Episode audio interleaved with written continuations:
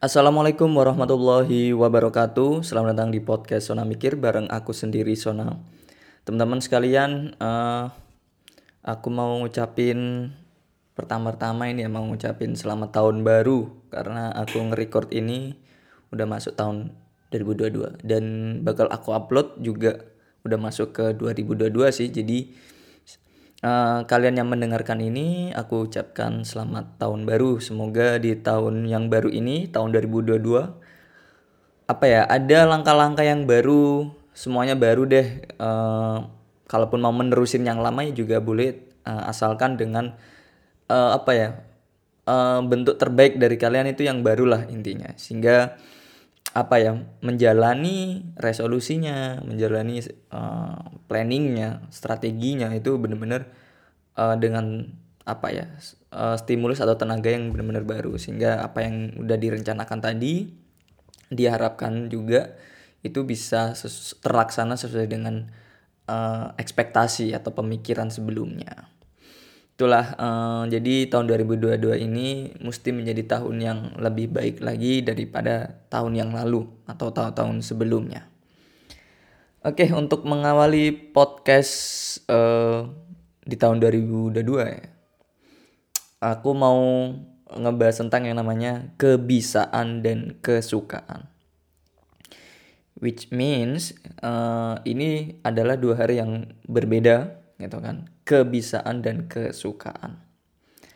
Then when we face something especially uh, in our expertise um, was in working area di area kerja kita ataupun activity kita lah ya.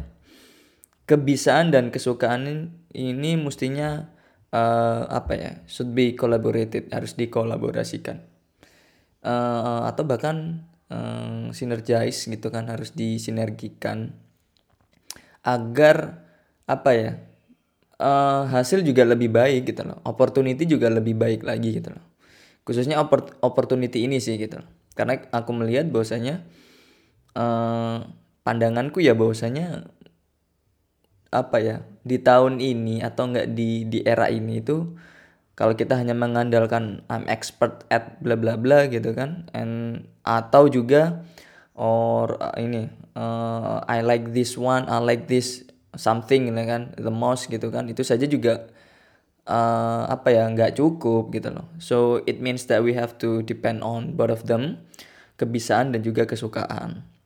Nah terkait kebisaan itu memang uh, apa ya refers to your expertise gitu kan. Jadi expertmu itu bidang apa? Keahlianmu di bidang apa gitu. Nah berbicara tentang keahlian juga berarti uh, ini relates to skill, ability and and our kompetensi gitu. Jadi terkait dengan keterampilan, kemampuan kita serta kompetensi kita itu di bidang apa gitu. Jadi ada suatu cakupan bidang di mana kita itu terampil di sana, kita mampu melakukan sesuatu juga di sana dengan baik serta kita punya kompetensi yang uh, apa ya? Uh, bisa dibilang ada legitimasinya kompetensi kompetensi kita gitu loh. Jadi kita benar-benar nggak asal bisa aja tapi udah udah mutlak bahwasanya oh buktinya apa? Nah itu kompetensi gitu. Uh, entah itu dibuktikan dengan suatu sertifikat kah atau dengan benar-benar suatu uh, pencapaian-pencapaian yang sudah dilalui dan sebagainya gitu kan. Nah itu termasuk kompetensi juga. And then when we talk about expert or expertise gitu kan. So I realize that the question is how how we became uh, an expert at something gitu. Ya caranya adalah we train ourselves learning uh, terhadap cakupan bidang yang sedang sedang digeluti dan juga practicing a lot. Especially for practicing um, I guess to be an expert of something it takes around 10,000 uh, 10,000 hours gitu loh. Memang nggak precisely 10,000 uh, hours ya maksudnya adalah ketika kita mempraktikkan sesuatu atau melakukan sesuatu hal itu dengan repetitif selama kurang lebih 10.000 jam dan alhasil kita bisa dinyatakan sebagai ahli di bidang tersebut gitu.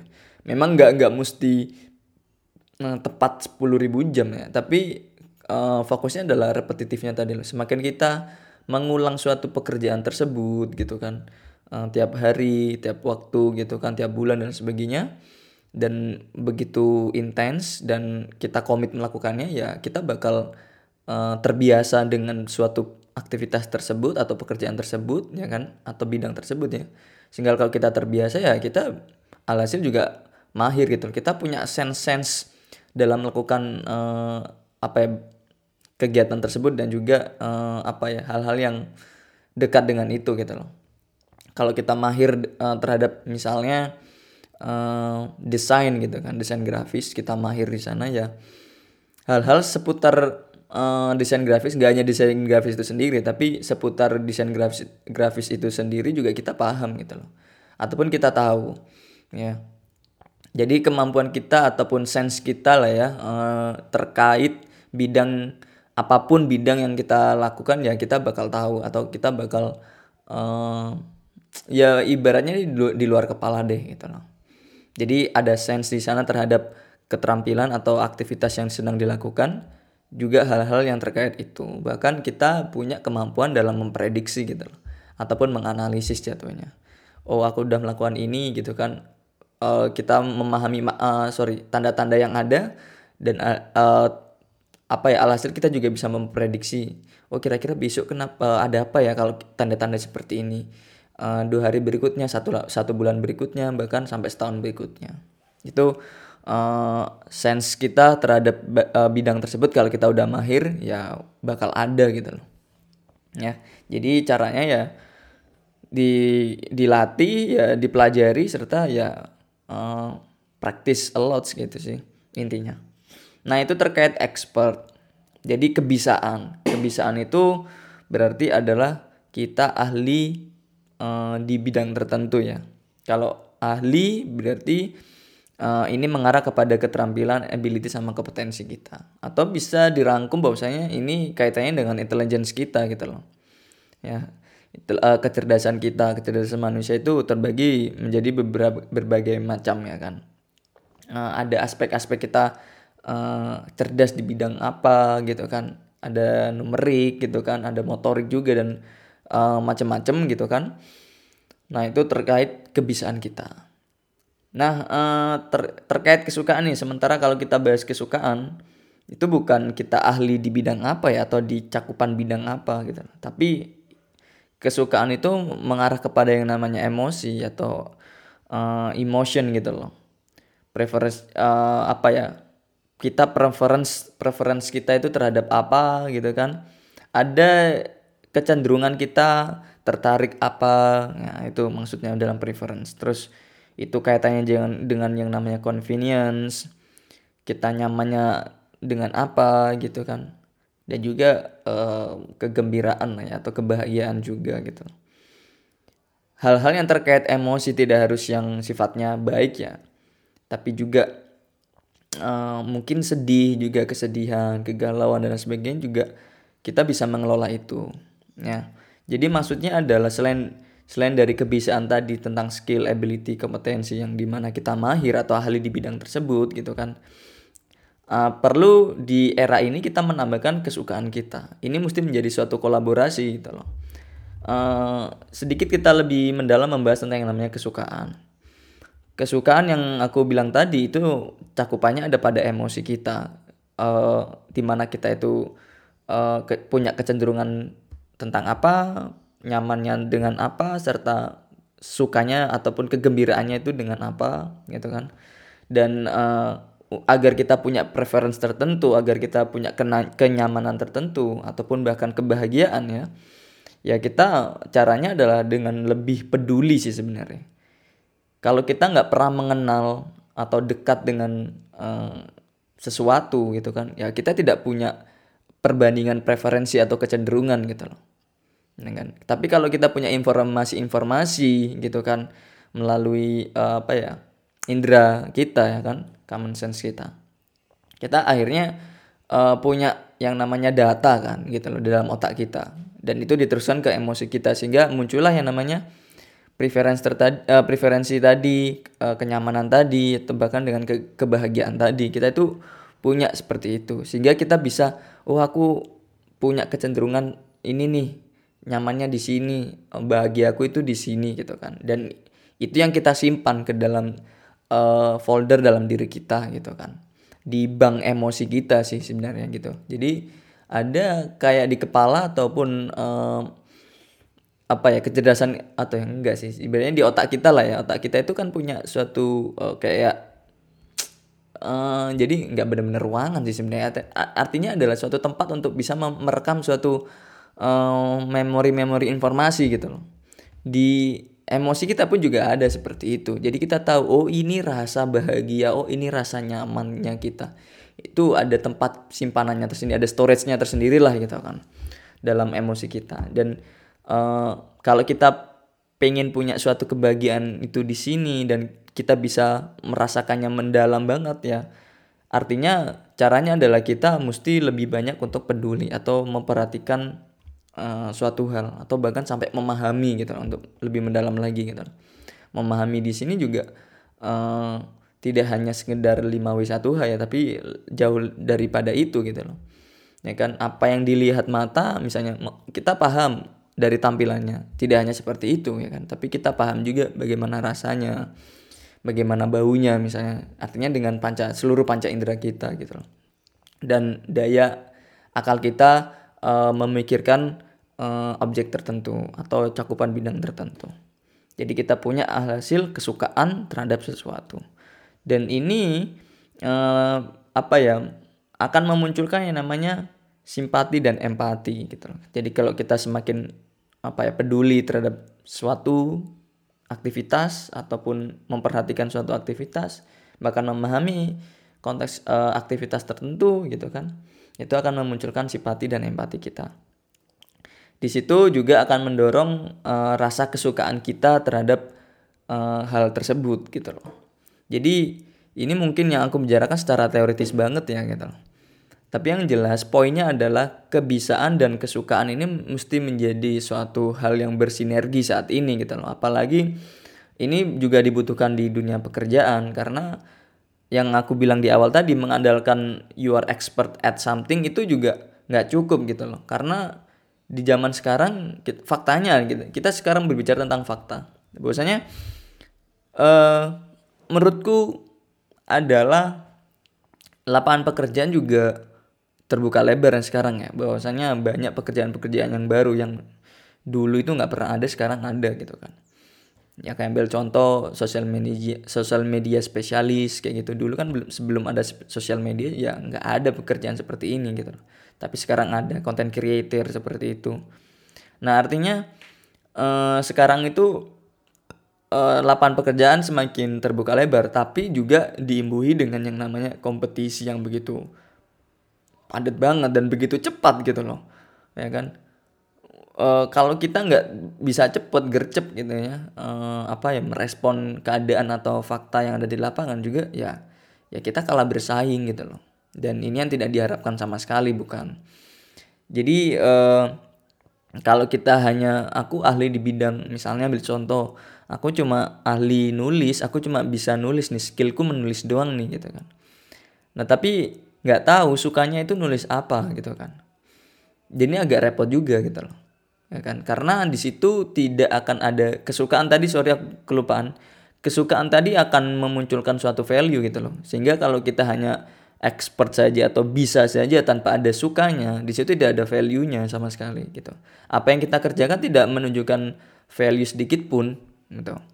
Sehingga ketika tidak ada value sedikit pun dalam suatu aktivitas yang kita lakukan ya nggak ada uh, benefitnya gitu loh bagi orang lain ya nggak ada sesuatu yang bisa uh, diambil suatu manfaatnya gitu kan intinya untuk orang lain sementara sekarang kalau di dunia pekerjaan ya ya bisnis yang bagus adalah bisnis yang bisa menyelesaikan suatu masalah gitu loh. Dan value itu salah satu penunjang untuk yang namanya uh, menyelesaikan masalah customer atau orang lain gitu loh. Ya kan? Jadi aktivitas kita gitu kan. Mestinya ada value di sana karena value di situ akan uh, apa ya dijadikan suatu formula untuk menyelesaikan suatu permasalahan orang lain gitu loh. Jadi ya create uh, ada supply ada demand lah intinya gitu loh. Tapi ketika kita mau ketika ada uh, masalah yang tercipta ya penyelesaian masalahnya juga pun banyak cara sebenarnya untuk menyelesaikan masalah tapi penyelesaian yang baik adalah penyelesaian yang benar-benar ya sampai mendalam gitu loh sampai tidak terjadi permasalahan-permasalahan yang lain gitu loh. Jadi banyak banyak cara ya secara teknis ya gitu kan. Nah di situ juga mesti ada value di dalamnya gitu loh biar antara kita gitu kan si pelaku kegiatan atau pelaku bisnis gitu kan atau yang terlibat dalam satu bisnis tersebut juga uh, punya andil besar untuk menyelesaikan masalah. Nggak hanya produk tapi kita tuangkan value melalui aktivitas kita ke dalam suatu produk tersebut dan produk tersebut digunakan oleh customer untuk menyelesaikan pekerjaannya gitu nah value ini yang bisa nge-guide nge-engage antara uh, produk tersebut dan uh, customer juga seperti itu. Nah, itulah yang aku anggap uh, bahwasanya kebiasaan dan kesukaan ini juga mesti mesti ada gitu kan dalam setiap aktivitas. Yang aku bilang tadi juga selain daripada value tadi ya adalah uh, membuka opportunity. Nah, kalau semisal aku nulis aku ahlinya nulis aja tanpa ada kesukaan juga aku nggak tahu gitu kan. Aku bakal membuka pintu yang mana gitu loh. Ya kan? pokoknya nulis aja gitu tapi aku nggak tahu uh, pintu mana yang harus aku uh, buka gitu kan apakah nulisku harus uh, tentang yang namanya lifestyle kah education kah uh, apalagi ya health kah dan lain sebagainya nah oleh sebab itu gitu kan kita mesti melihat bahwasanya oh aku ahli di bidang ini nih gitu kan dan aku sukanya di bidang ini nih gitu kan kenapa tidak dikolaborasikan saja gitu loh sehingga kita bisa menjadi spesialis di sana gitu loh. Uh, talking about spesialis ya memang di zaman sekarang sih kita bisa mesti bisa ini ya uh, fleksibel banget antara kita bisa menjadi spesialis dan juga generalis gitu loh. Nah kan uh, seorang generalis juga mesti punya uh, kekhususan tertentu. Seseorang yang punya kekhususan tertentu juga mesti bisa uh, lebih general lagi, umum lagi gitu. Kenapa ya? Karena biar bisa banyak diterima oleh banyak orang ya, bisa diterima oleh banyak orang gitu loh. Ya, kenapa kita mesti kan e, lebih baik spesialis nih gitu kan. Tapi kita juga mesti generalis karena apa ya? Biar manfaat-manfaat yang kita lakukan dalam e, kekhususan itu bisa diterima oleh banyak orang juga gitu. Meskipun tidak secara langsung bersinggungan. Pun sebaliknya ketika kita memutuskan untuk menjadi seorang generalis gitu kan, ya kita pak at the end of the day ya uh, ada sesuatu kekhususan yang benar-benar kita kuasai banget gitu loh. Agar apa? Agar orang lain juga uh, semakin paham titik atau ujung dari suatu hal yang dilakukan itu oleh kita ya, oleh pelaku lah istilahnya. Nah, uh, yang menjadi catatan di sini adalah kalau kita bisa menambah kebisaan kita dan juga bisa menambah kesukaan kita atau bidang-bidang dalam kebisaan dan kesukaan lah ya itu akan semakin membuka opportunity yang ada artinya kita bisa melakukan suatu hal begitu banyak gitu loh masif juga gitu ya selain daripada menulis aku juga bisa fotografi videografi seperti itu ambil contoh mengajar gitu kan. Itu semua adalah keahlianku. Nah kesukaanku apa aja? Aku suka tentang dunia pendidikan aku suka tentang dunia uh, olahraga kesehatan gitu kan. Sehingga aku bisa um, apa ya mensinergikan uh, semua hal tersebut gitu loh antara kebisaan dan kesukaanku yang ber yang berbagai macam tadi yang variatif tadi gitu loh ya mungkin saat ini aku nulis dan pendidikan misalnya. Aku ahli nulis aku bisa nulis dan aku suka pendidikan dan aku kombinasikan itu gitu. Mungkin someday gitu kan tidak hanya nulis dan pendidikan tapi nulis dan olahraga atau enggak uh, bahkan uh, kesehatan tadi. Atau bisa fotografi terus olahraga dan pendidikan. Nah semakin banyak hal-hal yang bisa uh, apa ya aku kuasai atau menjadi cakupan wilayahku atau zonaku gitu loh ya. Jadi uh, kenapa intinya adalah kenapa aku sampaikan atau episode ini itu fungsinya apa sih gitu kan. Adalah ya aku di sini ngerimain teman-teman bahwasanya ya zaman sekarang itu uh, perlu untuk uh, mengkombinasikan antara kebisaan dan kesukaan ya zaman sekarang. Dan uh, mulai dari sekarang ya kalau teman-teman merasa bisanya hanya satu ya tambah lagi bisanya gitu loh. Bisa A bisa B C dan sebagainya. Banyak platform-platform ataupun media-media atau bahkan ya opportunity opportunity untuk belajar sesuatu yang baru gitu loh. Tentang kesukaan tadi ya memang sih tidak ada suatu kayak uh, online course untuk menambah kesukaan itu memang tidak ada sih gitu kan adanya tentang skill tadi ya expert atau kebiasaan tadi gitu tapi kesukaan juga bisa dilatih ataupun bisa dicapai yang aku bilang tadi dengan cara kita peduli mulai atau memahami ataupun memperhatikan suatu hal dan itu uh, dilakukan uh, dengan cara ya kita get involved uh, with an experience gitu loh. Jadi artinya pengalaman yang harus berbicara di sini gitu loh. Dari pengalaman itu akan memunculkan rasa simpati dan empati kita terhadap suatu hal gitu kan. Itu juga menstimulus terhadap yang namanya kesukaan kita gitu loh. Karena di situ ada simpati dan empati uh, sehingga terintegrasi terhadap emosi-emosi yang ada dan salah satunya ujungnya juga pada kesukaan gitu loh. Alhasil. Nah, uh, inilah yang mesti harus diperhatikan teman-teman. Kita udah punya banyak platform untuk menambah kebiasaan. Nah, mulai dari sekarang kita juga mesti menambah kesukaan kita dengan cara mengalami secara langsung gitu loh. Dengan panca indera kita, intelektual apa ya, dengan kecerdasan ataupun dengan akal kita gitu kan, rasionali, rasionalitas kita gitu kan terhadap suatu hal gitu loh. Agar itu terekam uh, dan masuk ke storage uh, emosi kita gitu kan sehingga itu juga memicu uh, apa ya poin-poin kesukaan yang bisa masuk ke dalam diri kita ya uh, banyak pengalaman itu bagaimana? Ya udah kita semakin bersinggungan langsung aja dengan hal hal-hal baru mungkin gitu ataupun yang sudah kita sukai sebelumnya ya kita semakin mendalam lagi. Terus kita melebarkan sayap lagi uh, ke hal-hal yang uh, mungkin ada kaitannya sedikit hingga bahkan sampai yang tidak ada hubungan sama sekali kita terjun aja di sana. Mungkin seperti ini ya. Uh, dia seorang fotografer gitu kan ini orang ini fotografer apa ya namanya? Wedding lah misalnya gitu kan. Um, sukanya dia ahli foto. Nah sukanya tentang uh, couple kayak gitu kan. Wedding love dan sebagainya gitu. Mungkin uh, kesukaannya ditambah dengan yang namanya di bidang uh, human interest.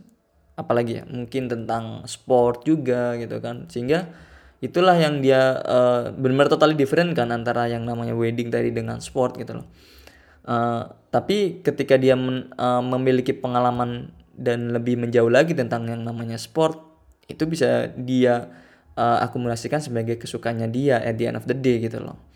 Sehingga opportunity yang ada dia punya job uh, yang namanya wedding tadi gitu kan sebagai uh, fundamentalnya tapi juga dia bisa melakukan yang namanya sport fotografi juga kayak gitu atau bahkan uh, jadi yang namanya content creator mungkin ketika belajar kebiasaan yang baru dan membahas tentang yang namanya wedding dan sport juga nah itu banyak akhirnya opportunity yang ada jadi uh, itulah alasanku kenapa aku bikin video ini sebagai reminder. Sorry, bukan video, podcast. Aduh, pikiran lu kayak YouTube aja sih.